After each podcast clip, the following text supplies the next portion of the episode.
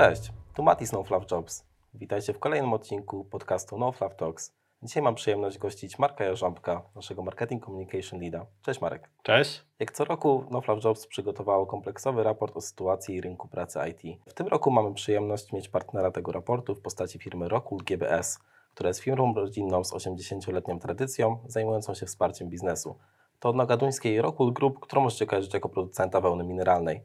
Rockwool stawia na cyfryzację fabryk, na długofalowy rozwój pracowników, a także jest firmą data driven, więc to świetne miejsce do pracy. Polecamy w wolnej chwili zajrzeć na NoFluff Jobs i zapoznać się z kompanii profile Rockwool GBS. Wracając do raportu, myślę, że 2022 rok został zdominowany przez trudną sytuację gospodarczą, która bez wątpienia odbiła się na y, sytuacji rynku pracy w IT. Można to było zaobserwować chociażby e, za oceanem. W Stanach e, było bardzo wiele zwolnień w firmach z sektoru Big Tech. No i właśnie, powiedz Marku, jak to się odbiło? E, Czy widzisz jakieś echo tego na wynagrodzeniach w branży IT, jeżeli mówimy o polskim rynku? Nie wiązałbym tego może, może mocno z rynkiem amerykańskim i z tym, co się tam dzieje, bo u nas to wynagrodzenia i ich wzrost co roku też, też wynika ze zwiększonego zapotrzebowania po prostu na specjalistów i specjalistki IT. Mieliśmy wzrosty po kilkanaście procent, czy nawet po, po 20% w niektórych kategoriach, do czego sobie pewnie zaraz dojdziemy. Natomiast tak ogólnie ujmując, no, wynagrodzenia w ogłoszeniach dla seniorów oscylowały w przedziale 18 do 25 tysięcy złotych netto.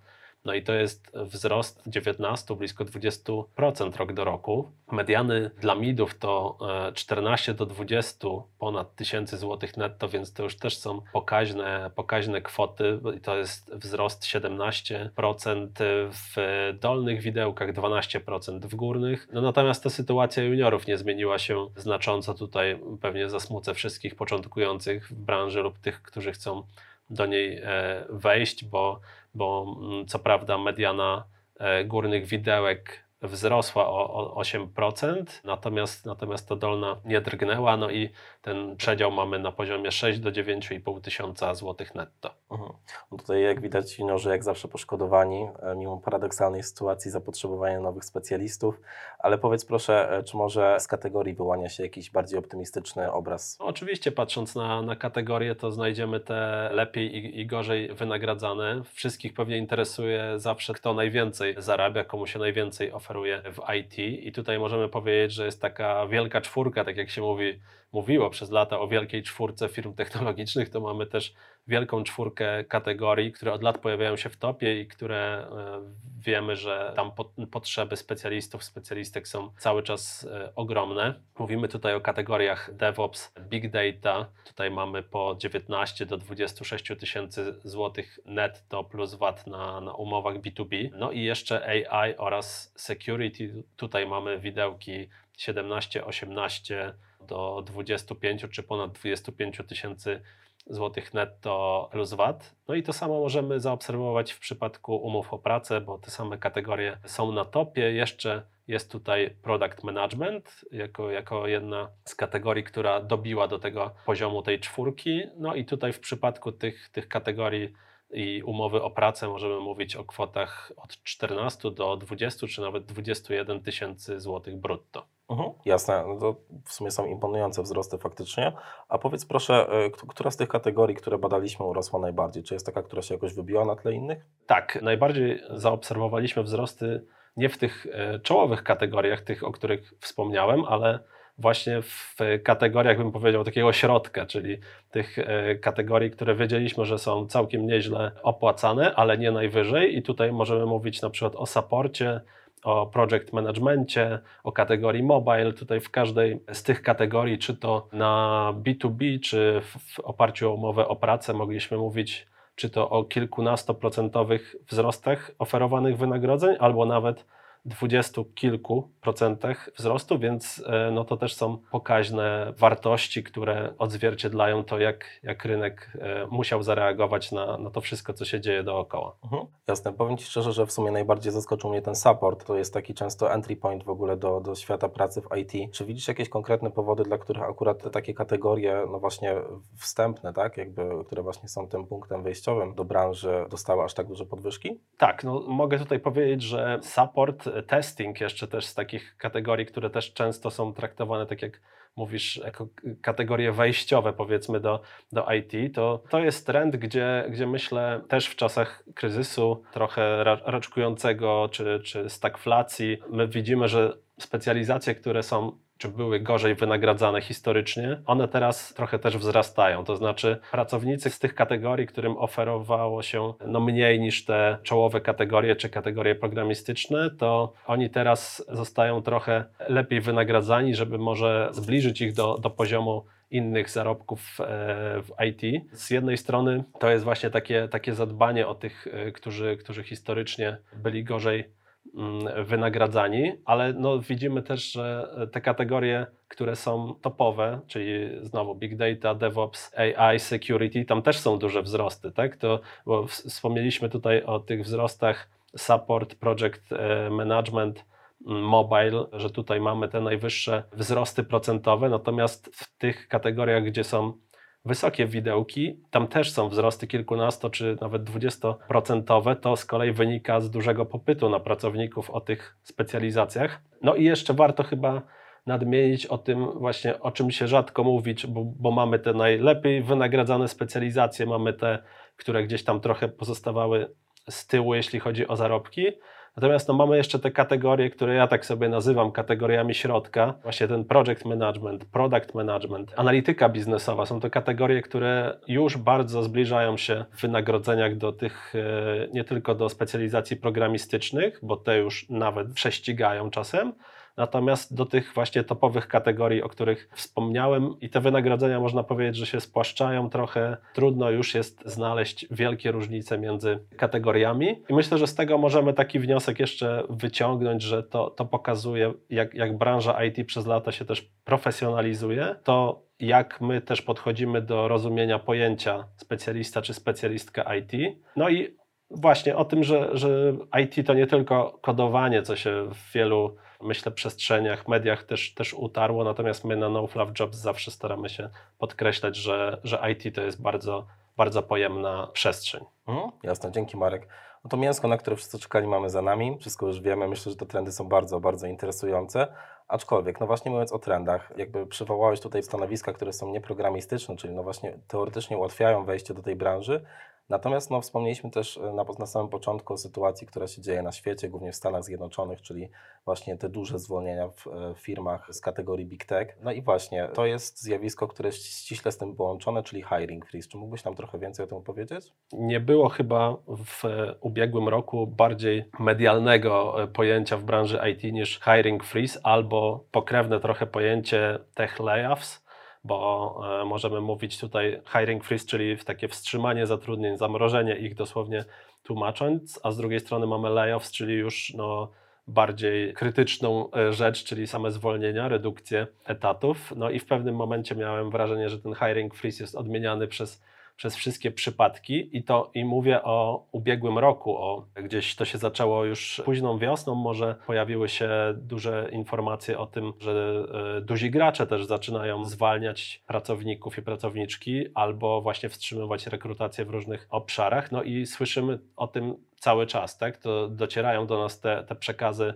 medialne, docierają w dużej mierze też z tego powodu, że sprawa dotyczy gigantów technologicznych, tak? Bo mówimy tutaj o firmach takich jak Alphabet, czyli właściciel Google'a, Meta, tak, czyli właściciel Facebooka, Instagrama, e, mamy Netflixa, mamy Microsoft e, i tak dalej, i tak dalej. No i z racji tego, że są to spółki, o których się często pisze i mówi, są bardzo popularne, tak, i w, mają też wysoką wycenę giełdową, to od razu, jeśli coś e, w takich dużych podmiotach się dzieje, to robi to wrażenie, tak, I bo, bo mówimy tutaj faktycznie o zwolnieniach, które no nie, nie dotknęły powiedzmy kilkudziesięciu czy kilkuset nawet osób, ale kilku czy kilkunastu tysięcy. Tak? Ostatnie doniesienia to są 10-12 tysięcy zwolnionych osób. To, co jest w tym ważne i to co, to, co powinniśmy zapamiętać, to że to jest mimo wszystko trochę przekaz medialny, tak? bo musimy sobie odpowiedzieć na pytanie, skąd to się wzięło. Czyli przez lata mieliśmy prosperity w branży, mieliśmy bardzo dużo inwestycji w sektor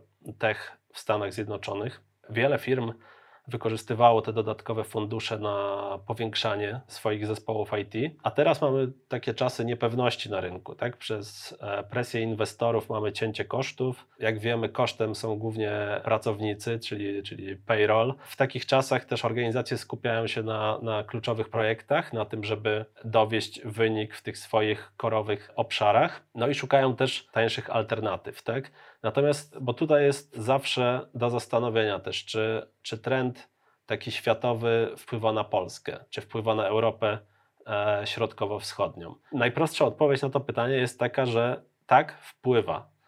Natomiast w jakim stopniu? No i tutaj myślę, że możemy być w miarę spokojni jeszcze w naszym regionie, bo no też patrząc na to, co się u nas dzieje, mamy bardzo skrajne przykłady. Tak? Mamy firmę Shopee, która zagnieździła się mocno w świadomości Polek i Polaków, nagle wycofała się z kraju, by skupić się na rozwoju też w innych regionach, w Azji, Ameryce Południowej. Tam też ktoś skalkulował, że tam są większe perspektywy wzrostu, może mocniejsza pozycja, trochę inna konkurencja na rynku. No i to też oczywiście oczywiście pociągnęło za sobą zwolnienia w polskim oddziale. Natomiast sytuacja spółki jest raczej stabilna. Z drugiej strony mamy Netflixa, który w Stanach no, musiał ciąć te zatrudnienia.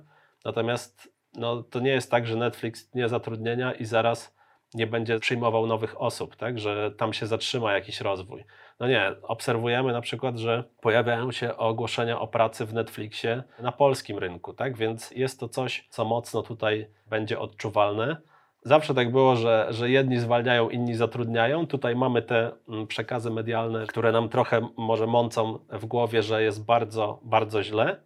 Nie twierdzę, że y, u nas nie ma problemów, bo wszyscy borykamy się z wieloma problemami gospodarczymi, jest e, za granicą e, blisko wojna, która też wpływa na to wszystko. Natomiast myślę, że podsumowując trochę tę moją wypowiedź, bo chyba wszyscy na to czekają, co może się wydarzyć dalej jeszcze w tym zakresie, bo wiemy, że doniesienia o, o hiring freeze czy o zwolnieniach będą napływać. W naszym regionie myślę, że jeśli będą napływać, to w bardzo spowolnionym tempie i nie, nie w takiej e, liczbie. To też zależy od tego, w jaki sposób właśnie funkcjonuje cała branża IT i inwestycje w nią w, w Polsce, czy w porównaniu na przykład ze Stanami Zjednoczonymi. No a właśnie konsekwencją tego są takie, takie bym powiedział, dwa, mm, dwa trendy, że po pierwsze to, co e, wspomniałem na przykładzie Netflixa, pracodawcy z oceanu coraz częściej mogą szukać kandydatów i kandydatek z naszego regionu. To oznacza, że pojawi się pewnie więcej, więcej ogłoszeń bezpośrednio od amerykańskich firm.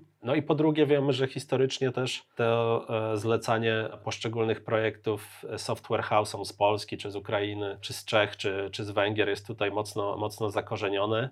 I ja myślę, że jest to jakaś próba wyjścia z tej sytuacji. Firmy z oceanu też będą pewnie szukać jeszcze więcej mm, takich projektów czy osób do, do ich wykonywania w Polsce czy ogólnie w Europie Środkowo-Wschodniej.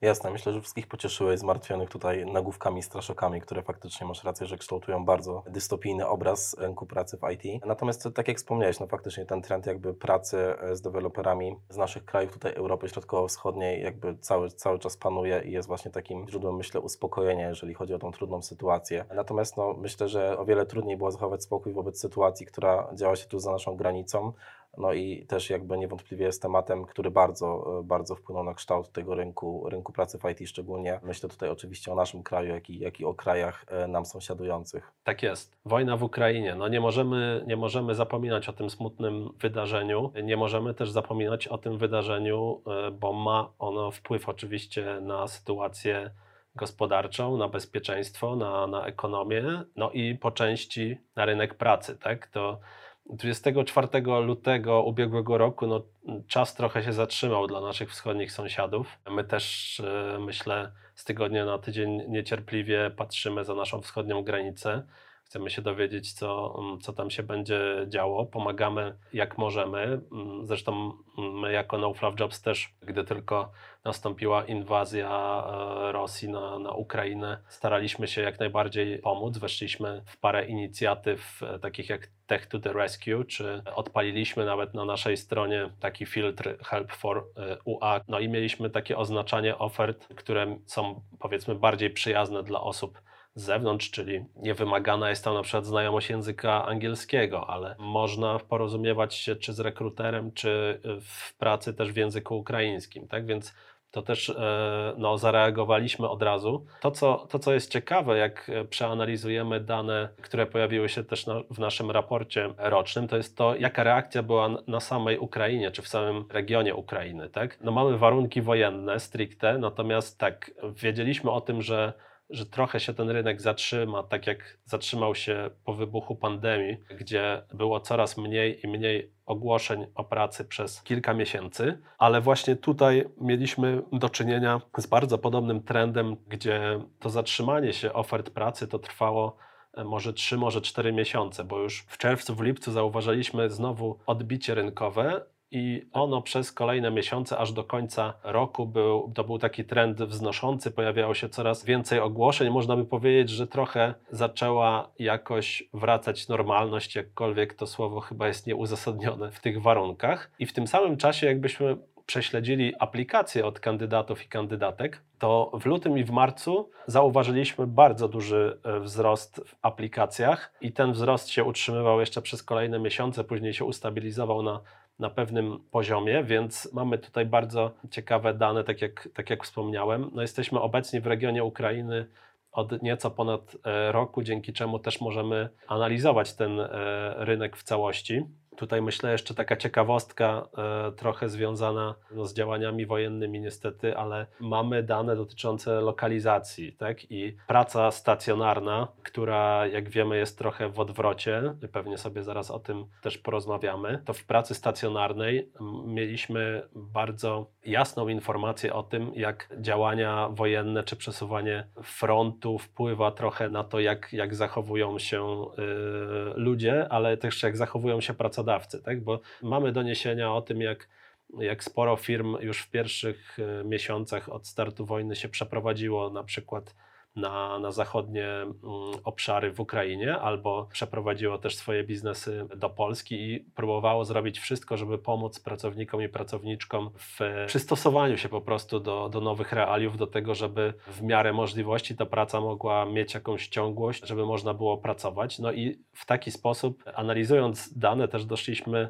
do, do bardzo ciekawych tutaj statystyk, że w ciągu roku mocno spadała liczba tych ogłoszeń stacjonarnych, które są w Kijowie czy Charkowie, takich dużych ośrodkach e, miejskich na, na, na, na wschodzie e, czy w, czy w centrum Ukrainy. Natomiast no, wzrastała ta liczba ogłoszeń e, w Lwowie, który jest no, teoretycznie w nieco lepszej sytuacji, bo jest bliżej tutaj granicy z Polską, a, a jakby te, te główne powiedzmy działania wojenne toczą się w innym obszarze ogromnego kraju, jakim jest Ukraina. No i ja jestem bardzo ciekawy też, jakie tendencje tutaj będą zauważalne w najbliższym czasie. No musimy to też śledzić bardzo blisko. Mhm.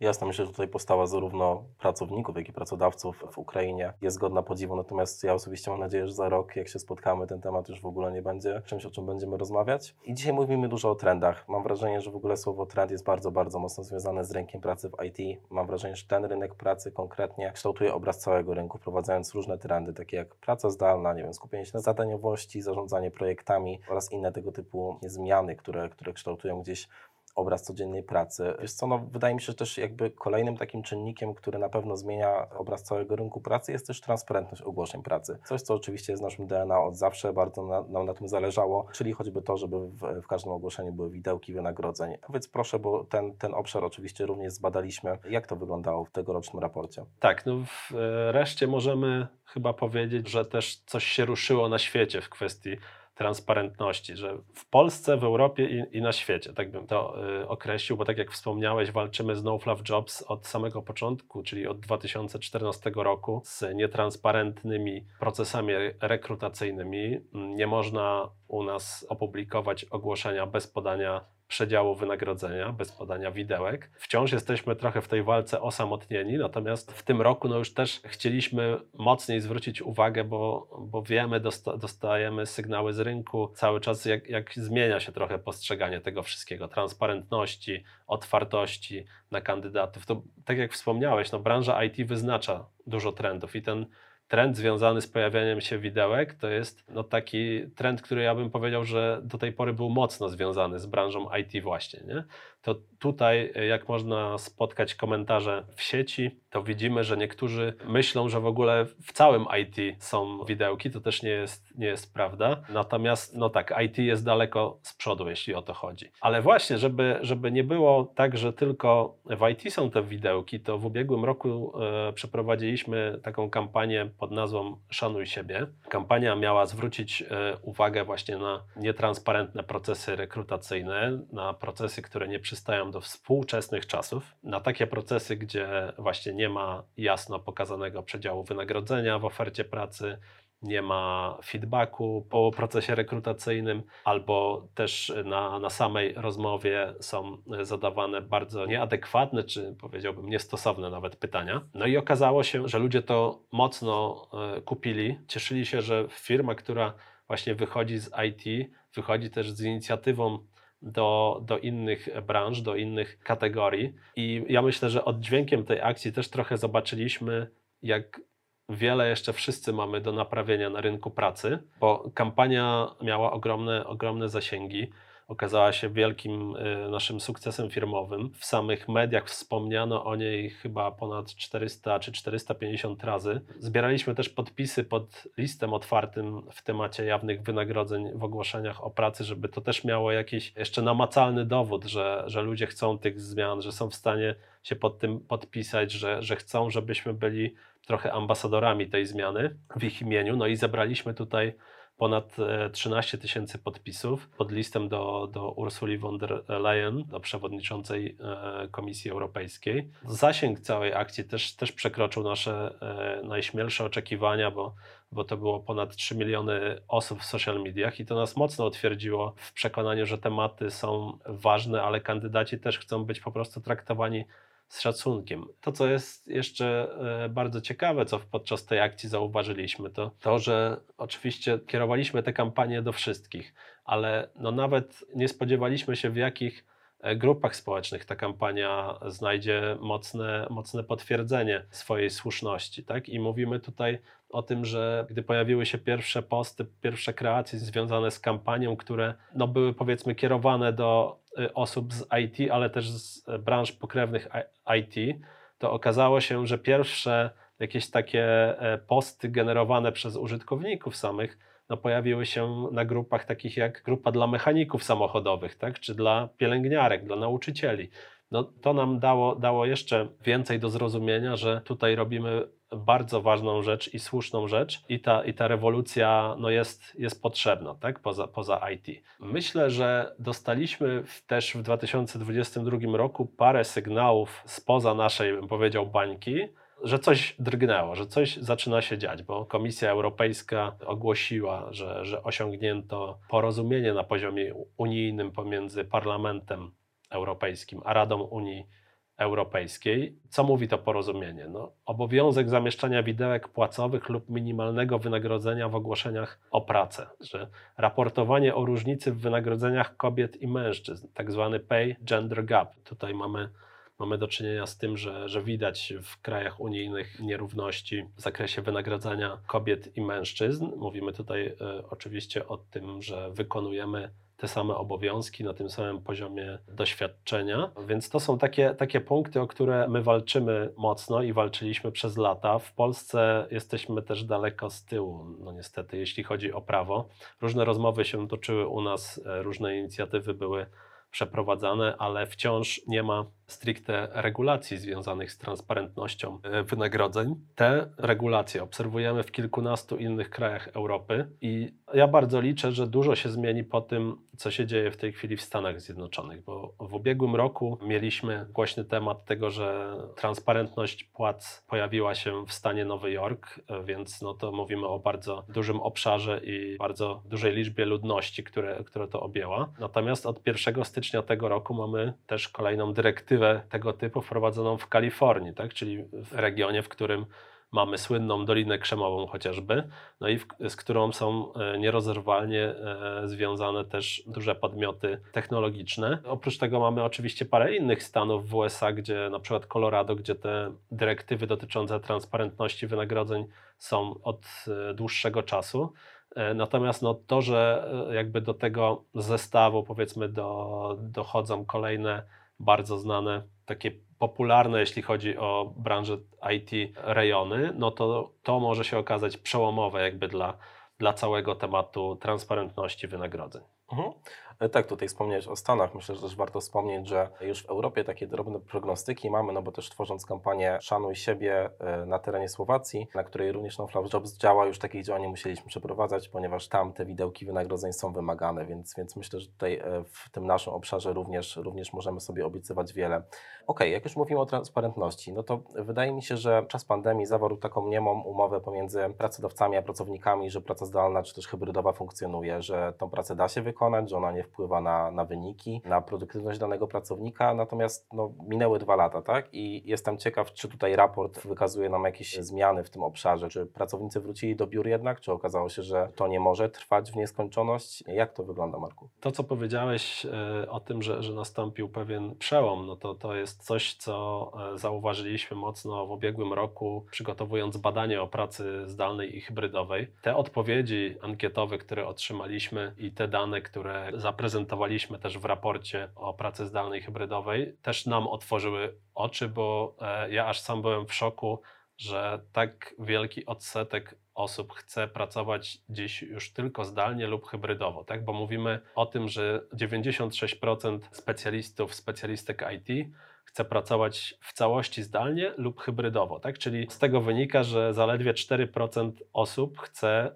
dzień w dzień pojawiać się w biurze. To jest coś do przemyślenia, myślę, przez pracodawców czy dotychczasowe benefity, wygląd biura, czy to, co się tam dzieje na co dzień, czy to jest jeszcze jakąś kartą przetargową. Zwłaszcza, że to badanie też pokazało, co jest największym problemem, i tam e, 40% osób wskazało, że no jednak dojazd do pracy to jest coś, co jest dla nich najbardziej problematyczne. Dlatego ta praca zdalna jest w tej chwili cały czas e, tak na topie. To pracodawców powinno zainteresować jeszcze coś, bo 56% pracowników, pracowniczek, czyli ponad połowa osób z branży, zacznie szukać nowej pracy, jeśli straci możliwość do wykonywania pracy zdalnej. Taki sam praktycznie odsetek mamy, mieliśmy przy pytaniu, co się stanie, jeśli stracisz mm, możliwość pracy hybrydowej. Więc no w tej chwili, jeśli nie oferujemy pracy zdalnej lub hybrydowej, nie oferujemy takiej możliwości w ogóle, no to możemy, możemy mieć bardzo duży problem ze znalezieniem pracowników. Na szczęście y,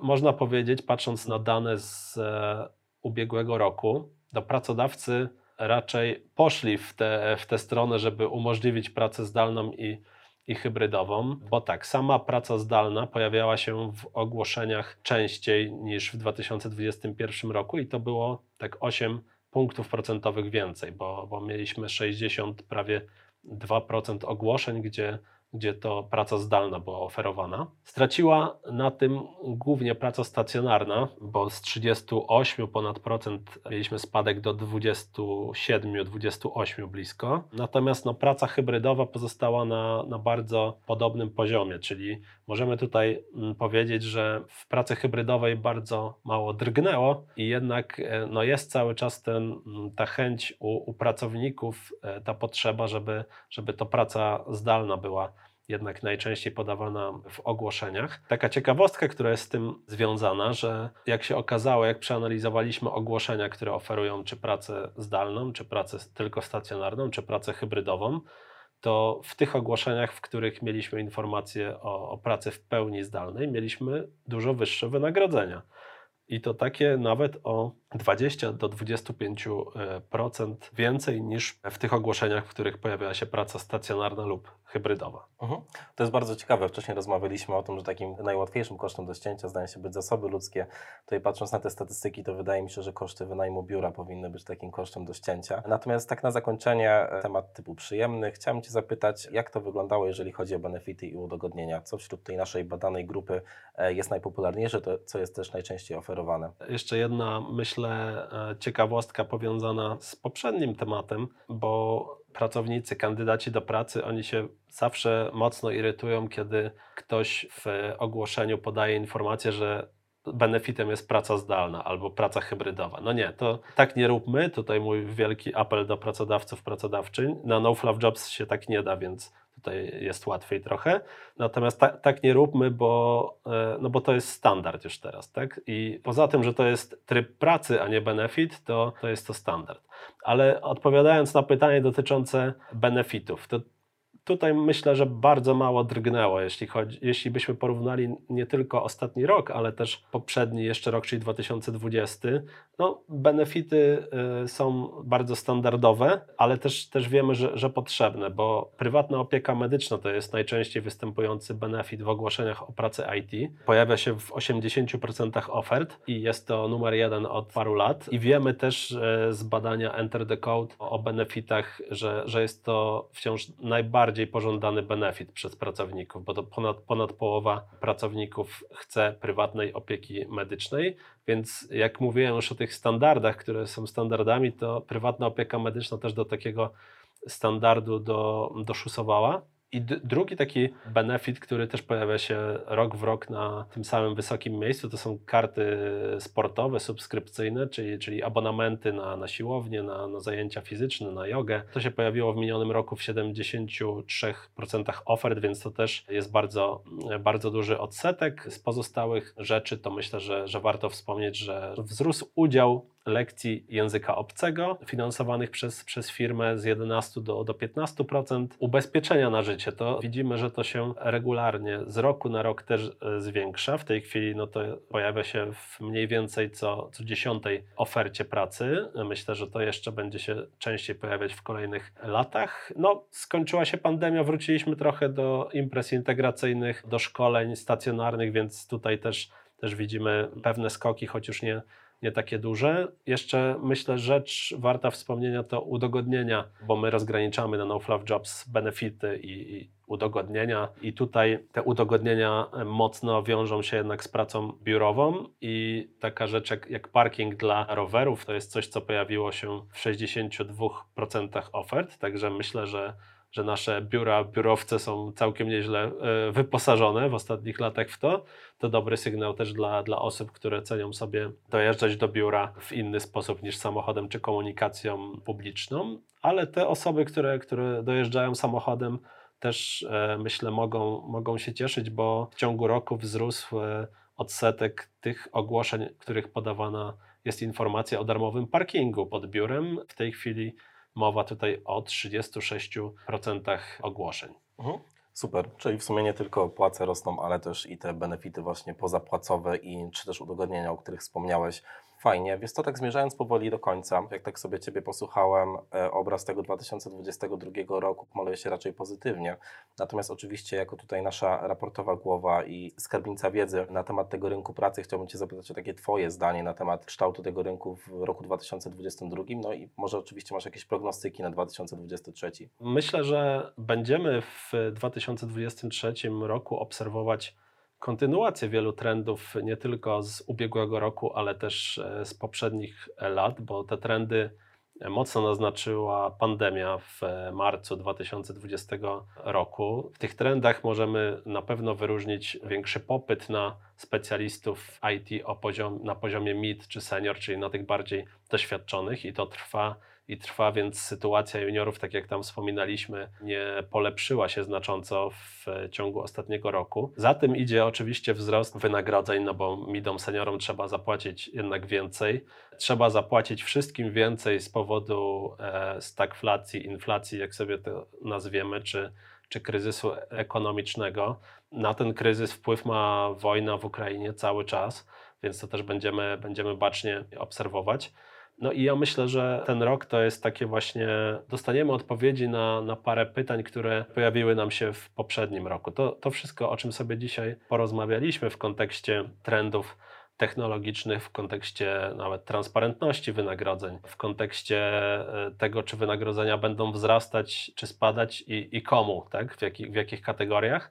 Dostaniemy odpowiedzi na te pytania też e, w ciągu roku, ale ja myślę, że jakby do głosu dojdzie mimo wszystko ten megatrend związany z zatrudnianiem osób w IT, czy szeroko pojętym IT i ICT. Tutaj e, Unia Europejska szacuje, że jeszcze w e, ciągu najbliższej dekady no, będziemy mieli jakby podwojenie liczby osób zatrudnionych w tych sektorach i to się stanie pomimo tego, że będą jakiekolwiek kryzysy na rynku. Mieliśmy już mm, sytuację po wybuchu właśnie pandemii, gdzie kryzys powiedzmy związany z liczbami ogłoszeń, z liczbą zatrudnionych trwał 3 do 4 miesięcy może. Oczywiście sytuacja dzisiaj jest trochę inna albo diametralnie inna, natomiast no, widzimy co się dzieje nawet po tych firmach właśnie, gdzie mamy hiring freeze albo są zwolnienia, bo tam po, po redukcji etatów, które no, trzeba tutaj powiedzieć były zawyżone, tak powiedzmy inwestycje rozbuchały te etaty i było ich za dużo jak na, jak na możliwości, potrzeby firmy. Dzisiaj wszyscy mówią sprawdzam i ilu jest tak naprawdę y, osób potrzebnych, no ale to już za, zauważalne są jakieś wzrosty czy po, powrót do stabilności u firm, kiedy tych etatów jest mniej i ja myślę, że, że taki powrót do stabilności całą branżę czeka e, szybciej niż później. Super. Myślę, że zostawiasz nas i słuchaczy z bardzo optymistycznym spojrzeniem. Ja bardzo dziękuję Ci za rozmowę. Dziękuję bardzo. Dziękuję też naszym słuchaczom za wytrwanie z nami do końca i oczywiście zapraszam do odsłuchu kolejnych e, odcinków No Fluff Talks. Dzięki.